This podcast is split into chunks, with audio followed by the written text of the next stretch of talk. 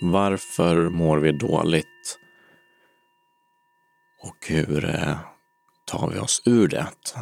Ur ett eh, då inte kanske rent konventionellt perspektiv utan det som jag försöker prata om här då, ett eh, ja, men andligt uppvaknande upplysningsperspektiv som tar den eh, synen på människan som de olika mystika traditionerna tar och som eh, även går att ta ur ett faktiskt väldigt modernt, sekulärt eh, och till och med ateistiskt perspektiv eh, och titta på bara förändringar i hjärnan som de här olika typer av andliga praktiker ger upphov till då närmare bestämt olika typer av meditationspraktiker.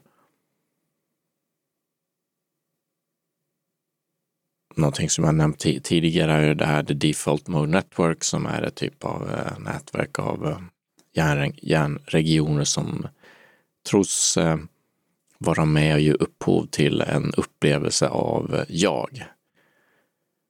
Och eh, en överaktivitet i det här nätverket ser vi korrelerat med depression. Ursäkta. Och eh, eh, en minskning av det omvänt verkar det som att människor mår bra av då.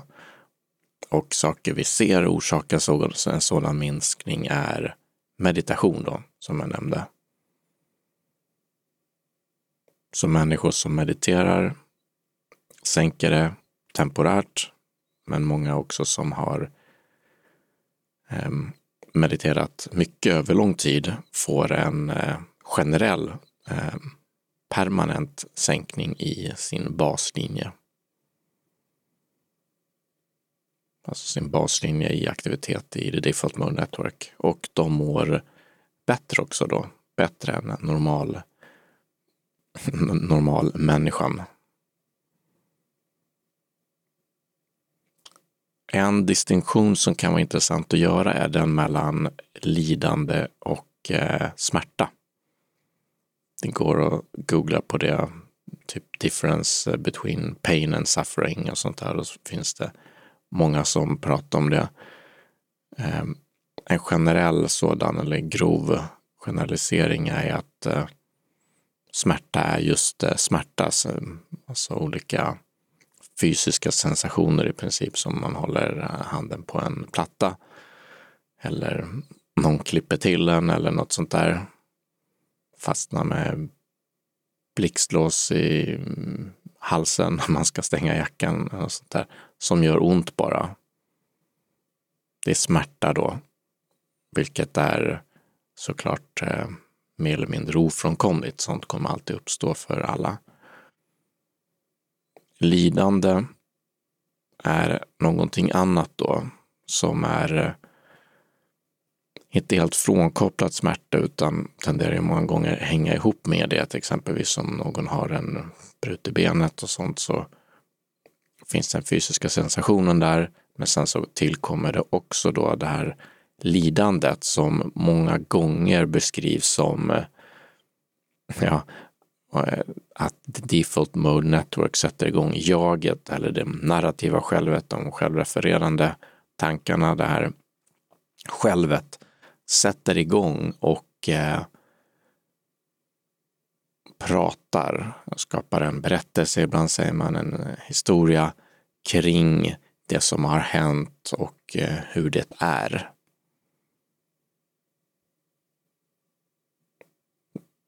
Och då inte i positiva termer utan på ett sätt som eh, ja, men oroar ett annat sådant eh, exempel på, på lidande kan man säga att vi går och oroar oss för någonting. Det finns ingen fysisk eh, smärta där, utan, eh, men däremot finns det oro kring saker som komma skall eller eh, kan vara sorg eller mm, irritation eller något av något som varit som också leder till lidande. Jag minns en, eh, tror det var Fred Davis, någon sån här äh, andlig lärare, eller om det var någon annan som, som sa att hans definition av lidande som jag förstod i alla fall, var att eh, i princip vara i motsatsförhållande till det som är. Det vill säga i eh, säg att det har hänt någonting jobbigt då, exempelvis. Som vi inte gillade, som vi blev arga över eller vad det nu var. Och då går vi och eh, ruminerar över det. Default Mode Network får vara aktivt för oss och vi ältar då som det också heter. Vi kör den historien om och om igen i vårt huvud och mår dåligt av det. Det skapar lidande för oss då. För vi vill inte att det ska ha hänt. Vi vill att det ska vara på något annat sätt. Och då är vi då i motsatsförhållande till det som är. Vi gillar inte hur det är. Motsatsen till det är såklart att acceptera, att acceptera det som är. Vilket,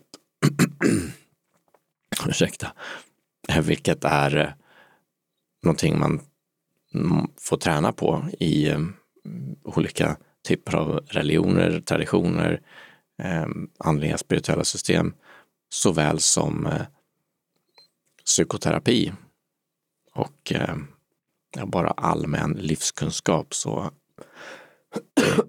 så är det ju det här att, att eh, på något sätt eh, att acceptera bara det som är inte gå med på det eller inte tycka att det är okej okay eller något sånt där, men acceptera att någonting har hänt. Vi känner till Kullbergs eh, eh, olika stadier av kris, tror jag kris och krisstadier som vi går igenom och ett av dem, eh, just detta av dem kallas för ältande stadiet där vi går och, och, och ältar någonting då eller ruminerar över det, som sagt, tänker på det väldigt mycket. Någonting som alla verkar gå igenom i olika utsträckning så det är inte någonting som jag menar att det är någonting fel med det. Men att det är någonting som orsakar lidande. På samma sätt om vi går och oroar oss för någonting som är framåt i tid. Rädda att någonting ska hända eller rädda om vi gör det så kommer det hända och så vidare. Då har vi också ingen smärta där, ingen egentlig fara där, men vi eh, oroar oss för det oroa oss för saker som ska komma. Och det är någonting som vi är väldigt, ska man säga, på gott och ont duktiga på. Som människor med välutvecklade eh, prefrontal cortex och sånt och förmåga att kunna planera just framåt och tänka framåt i tid och tänka um, till skillnad från djur, eller de andra, de andra djuren då, som inte kan det, så har de, går de inte heller och oroar sig särskilt mycket över vad som ska hända. Om det inte är någonting som håller på att hända i stunden för dem. Men vi kan det, så vi kan å ena sidan planera och tänka framåt, vilket är väldigt hjälpsamt för då kan vi kontrollera världen och eh, vara, vara strategiska och bygga saker som sen utvecklar sig. Vi kan plantera saker och som vi sen plockar upp senare och så vidare.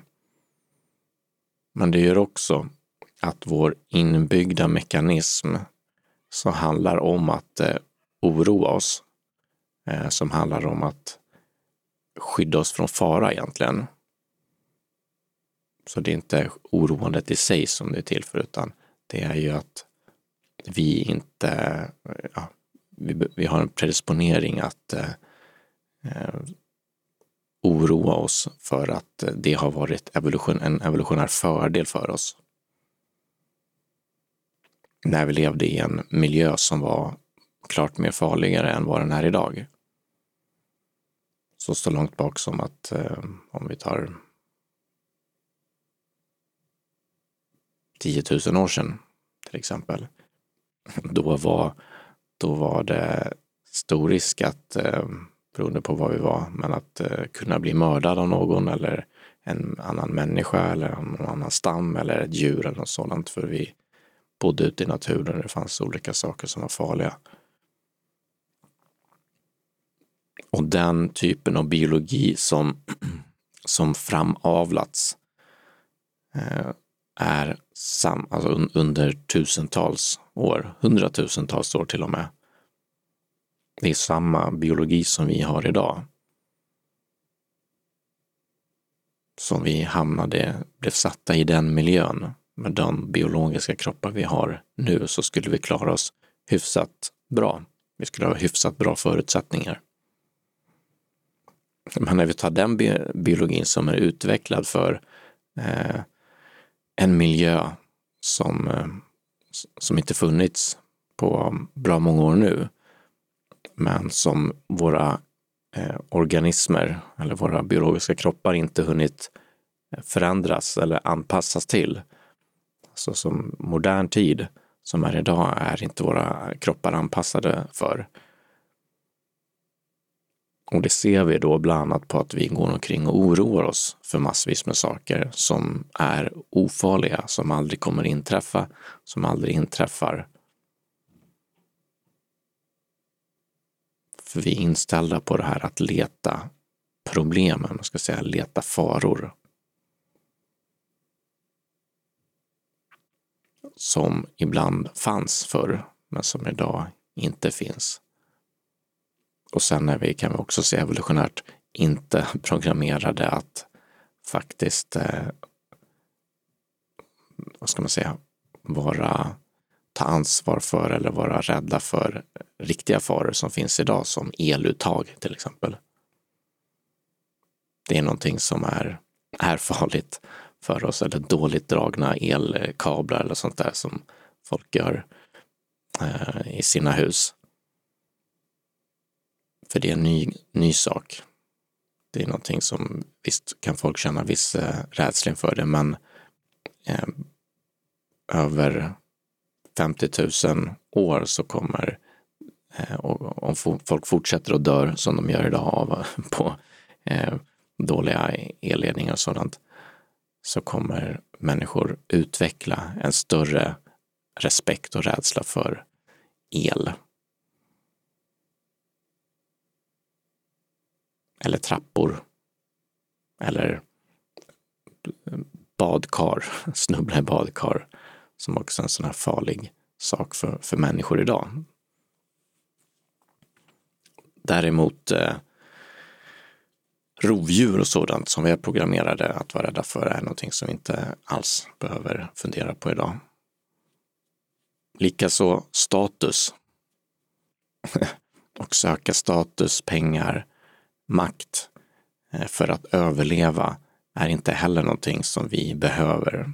Vi behöver inte heller oroa oss för att bli utstötta ur gruppen. Det är såklart inget kul att bli det. Det är inget kul om någon inte vill träffa oss eller om en grupp eh, kompisar inte hör av sig till oss eller inte verkar vilja träffa oss. Då blir vi ju ledsna och sådär. Men den reaktionen vi får har sitt ursprung även den i den biologi som har evolverat då, fram till idag. Och förr, för 10 000, 20 000, 30 000 år sedan, om den gruppen som vi tillhörde vände sig mot oss eller inte gillade oss eller drogs undan från oss och sådär. Det var förenat med faktisk, eh, faktisk livsfara. Eftersom man bodde ofta i små eh, stammar bara, eh, små grupper av människor och om man blev lämnad där eller övergiven så, så var det många gånger körd. Så reaktionerna vi får på den typen av fenomen eller företeelser är väldigt stark, precis som den ska vara i en sån miljö men som den inte alls behöver vara idag. Idag behöver vi, idag finns det, kan vi bara gå på Tinder om vi vill ha en ny partner eller om vi går på söker eh, folk på någon meetup group eller på Facebook eller något. Det finns ju miljoner och åter miljoner människor att stifta bekantskap, bekantskap med om vi vill. Bor man i en storstad eh, är det bara att gå ut. Du känner inte ens igen dem du ser när den går längs med gatan. Så den rädslan att bli utesluten eller lämnad och så, eh, som är såklart obehaglig och inget kul, men har egentligen ingen bra funktion så som den hade då. Precis som funktionen att oroa oss över saker som ska hända eller att vi inte, eller den här strävan efter att få mer makt, mer pengar, mer god mat eller mer, ja allt. Den är inte heller på det sättet särskilt funktionell, inte för individen i alla fall. Kan alltid ha en diskussion om såklart vad är bäst för generna. Men troligen är det väldigt mycket, i min bild i alla fall, oro som är helt onödig för oss som människor. Vi behöver inte oroa oss för särskilt mycket. Jag minns eh, Elon Musk prata om eh, sin syn på eh, entreprenörskap och att ta de riskerna som han har tagit.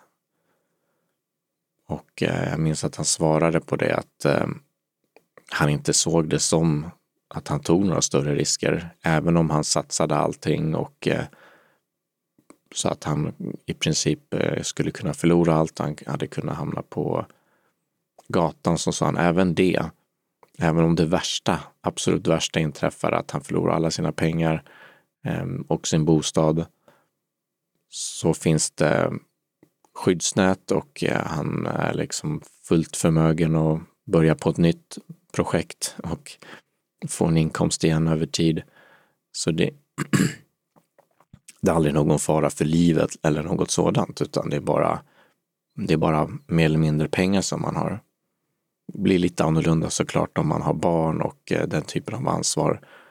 Men eh, fortfarande så riskerna för katastrofala saker väldigt låg. Som har med liv och så att göra. Så vi lever i ett tryggt samhälle eller en trygg värld, i alla fall om vi tar oss här i Sverige. Men vi har en biologisk kropp då som eh, som tror, kan man säga, att den lever i, eh, i en miljö som fanns för 50 000 år sedan. Där det, där det fanns massa faror runt omkring. Och där det var en evolutionär fördel att eh, vara på sin vakt hela tiden. Och vara rädd för att bli utstött, för att vara rädd för vad andra skulle tänka och tycka om oss. För det var det. Det var det då. Så alla... Ursäkt. Um, alla de här pre, den, här, den här predisponeringen som vi har för att uh, oroa oss för saker och söka, alltså begären då som vi har för att söka uh, status, makt, pengar. De behöver vi inte riktigt. Vi kan definitivt dra ner, vrida ner eh, intensiteten i det en hel del och bara må bättre igenom det.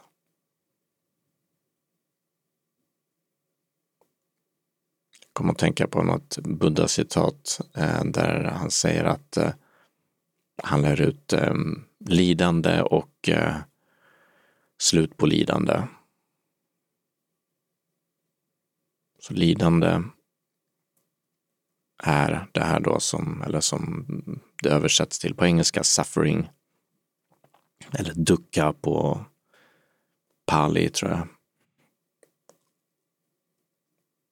där är det det här som när Default Mode Network är aktivt eller det autobiografiska självet, jaget, oroar sig kring saker. Antingen att vi vill ha saker som vi inte har eller att vi vill komma, för, komma bort från saker som vi inte ehm, vill ha här. Vi går och oroar oss kring framtiden eller är irriterande, besvikna, ledsna över vad, saker som varit. Och vi är då som den här andra läraren sa att vi är i motsatsförhållande eller vi, vi stretar emot det som är. För det som är, är ju det som har varit har ju varit och vi kan inte förändra det som kommer genom att oroa oss över det.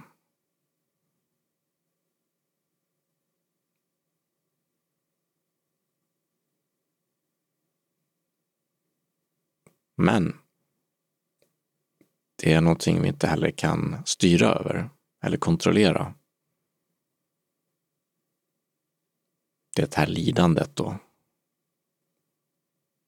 Oron, ångesten, irritation, tankar och känslor om olika ting. Det uppstår bara för oss.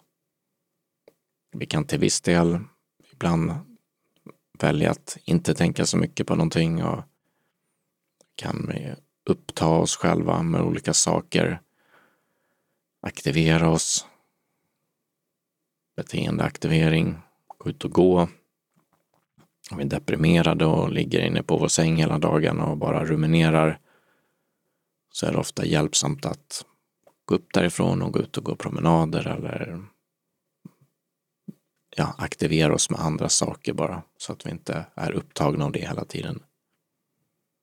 Så vi kan rå på de sakerna med olika typer av aktiviteter och praktiker. Ett annat sätt är ju också att meditera då. Meditation tränar oss i att som sagt ur hjärnperspektivet stilla aktiviteten i the default mode network. Om man tar det från ett inifrån perspektiv eller upplevelse, fenomenologiskt perspektiv så handlar det om att avidentifiera oss från den eh, tankeströmmen som eh, annars upptar oss och eh, fångar oss då och orsakar då det här lidandet. För det är inte ens tankeströmmen eller det här jaget, det narrativa självet, de tankarna som vi upplever att vi själva tänker. Det är inte problemet i sig ur ja, många andliga perspektiv, mystika traditioners perspektiv, utan det är identifikationen med det, med den tankeströmmen, med det jaget, egot, det självet. Så identifikationen med de tankarna och känslorna är det som får oss att må dåligt. När vi tror att vi är den som tänker och där vi tror att det vi tänker är sant också. Jag lyssnade på en eh, intervju med han Björn Natthiko Lindeblad, den här skogsmunken, häromdagen där han sa att eh, det som han hade lärt sig under sina, eller det främsta då, han, det var säkert många saker, men det främsta han hade lärt sig under de här 17 åren, 17 åren som eh, skogsmunk var att inte tro på sina tankar.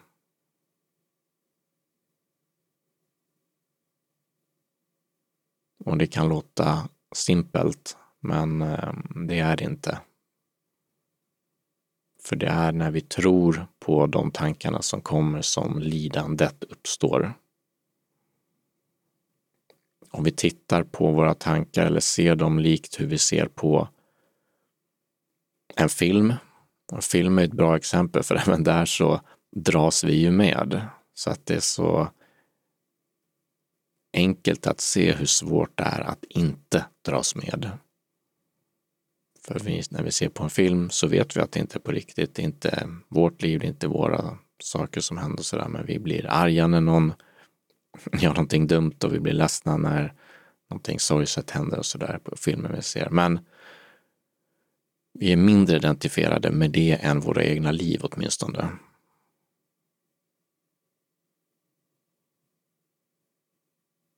Och vi kan välja att eh, kliva ur det till viss del. Distansera oss från det. Filmen på tv då.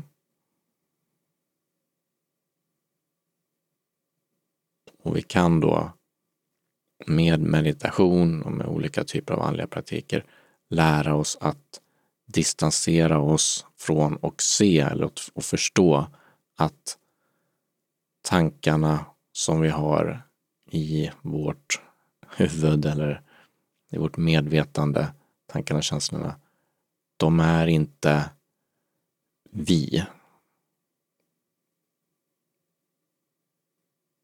De utgör inte grunden för vem vi är, utan de är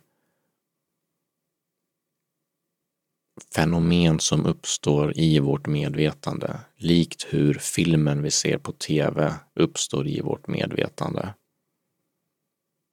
Men där förstår vi att filmen vi ser är inte vi.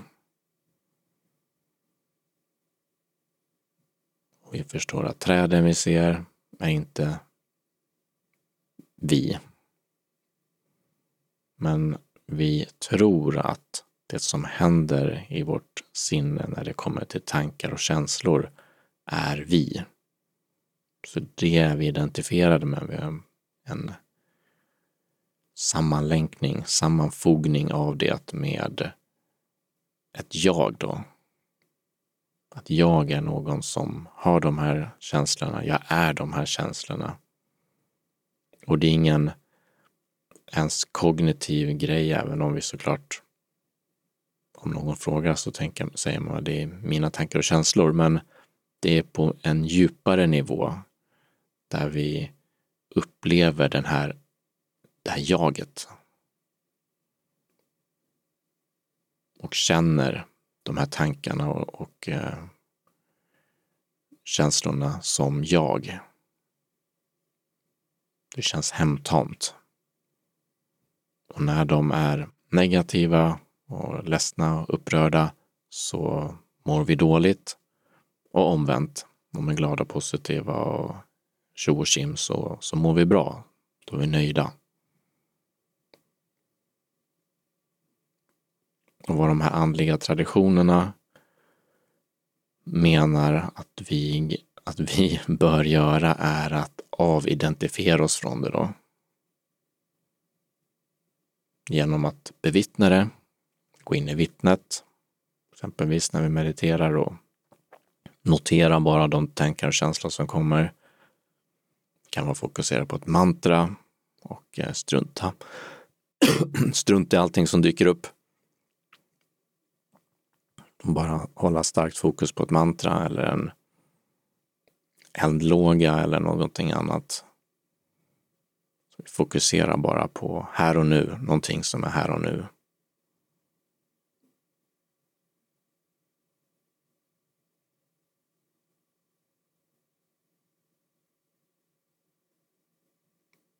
För här och nu, utan tankar, utan en story då, om man säger en historia, berättelse om det som varit eller kring saker som komma skall eller kan komma. Om vi gör oss fri från det så är vi bara här och nu. Och här och nu så finns bara det som är här och nu.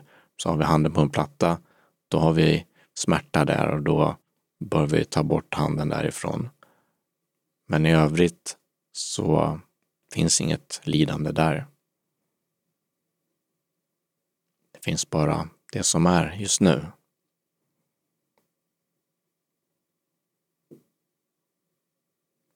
Sanning, kärlek, upplysning. Det som traditionerna pratar om. Det är det här just nu som finns hela tiden. Och som när vi klarar av att eh, avidentifiera oss från det här narrativa självet, den berättelsen, de tankarna och känslorna, i en utsträckning vi klarar det, då skiftar vår identitet eller vår uppmärksamhet, hur man nu vill tänka kring det, till det här då istället. Till varandet självt, till nuet, till den som traditionerna kallar för vår ursprungliga natur. Igen om vi tar det ateistiska sekulära perspektivet så får vi en förändring i hjärnaktivitet som tar oss från hög aktivitet i default mode network exempelvis till eh, lägre aktivitet där och mer av tidigare delar av hjärnan också. Som exempelvis Antonio Damasio brukar skriva om och han skriver om i sin bok Self comes to mind. Att hur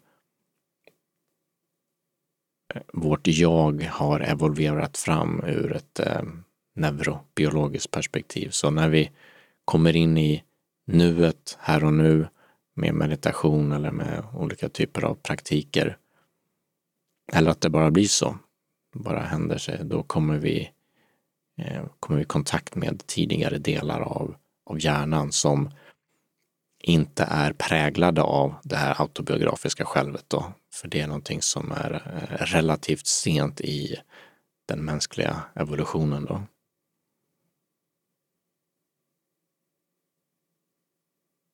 Uppstått rätt sent tillsammans med det eh, ja, lingvistiska självet, eller att vi har språk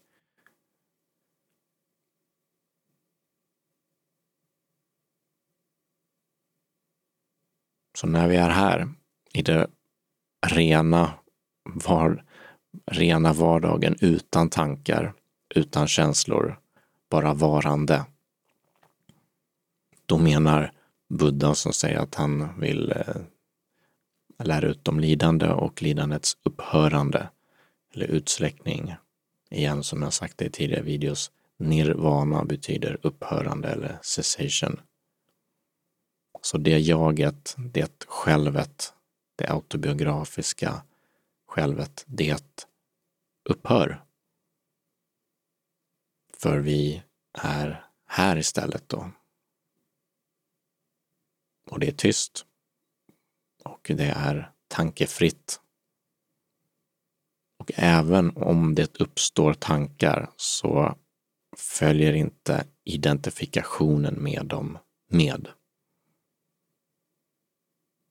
utan vi är fria. Vi färdas fritt och ostört fram som en av eh, sutrorna, tror jag det är, um, en, en buddhistisk sutra säger.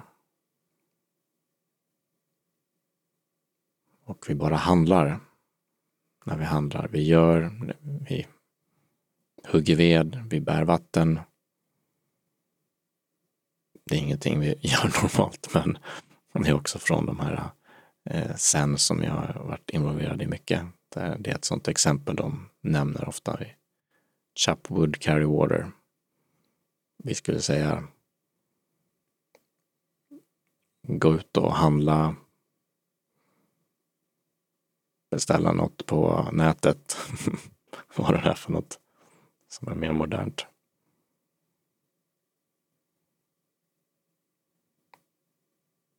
Men det gör oss fria då från lidandet, lidandet som kommer med identifikationen med det här jaget. Och med meditation, andliga typer av praktiker så tränar vi oss att komma mer in i det här om vi ska se det som ett tillstånd. Frihetstillståndet. Andra praktiker, andra grejer vi gör Eh, hjälper oss såklart också med det som eh, psykoterapi.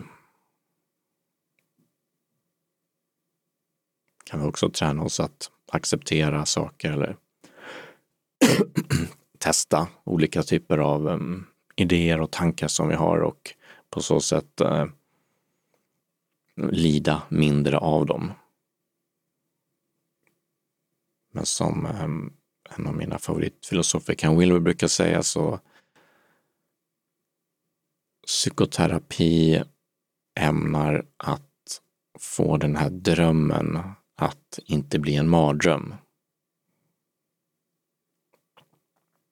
Medan andliga praktiker då, meditation, ämnar att faktiskt hjälpa oss att vakna upp ur mardrömmen, vakna upp mardrömmen eller drömmen av ett separat jag, av ett, att vara identifierade med det narrativa självet då.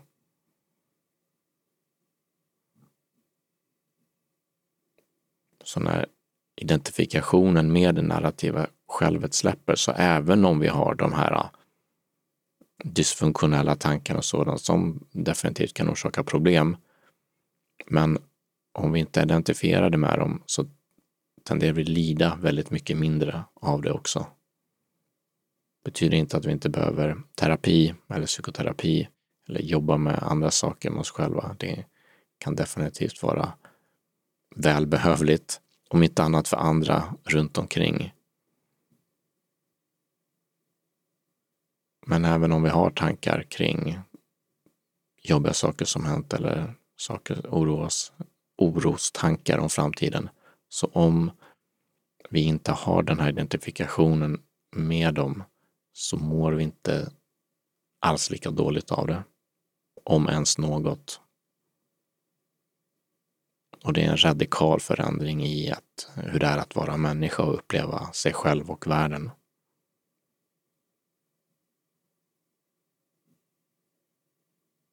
Och där är då att vakna upp detsamma som att, eh, eller att likställas med att det narrativa självet upphör eller identifikationen med det upphör.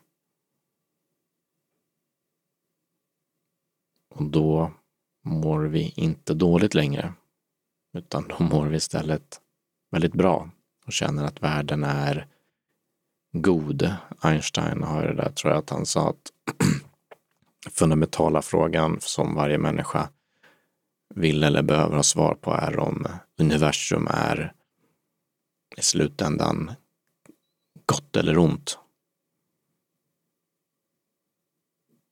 Och för majoriteten människor som har upplevelsen av att eh, identifikationen med det narrativa självet ebbat ut säger så att världen är god.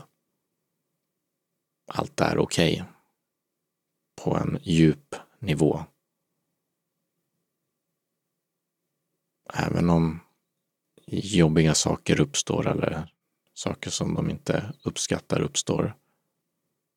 Även om de får jobbiga tankar och sådant så är det på djupet okej. Okay.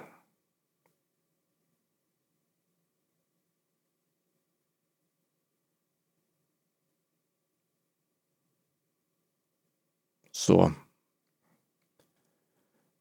det var det om eh, varför vi mår dåligt och eh, lite grann kring vad de andliga traditionerna säger om hur vi, varför och eh, hur vi kan ta oss ur det. Tack.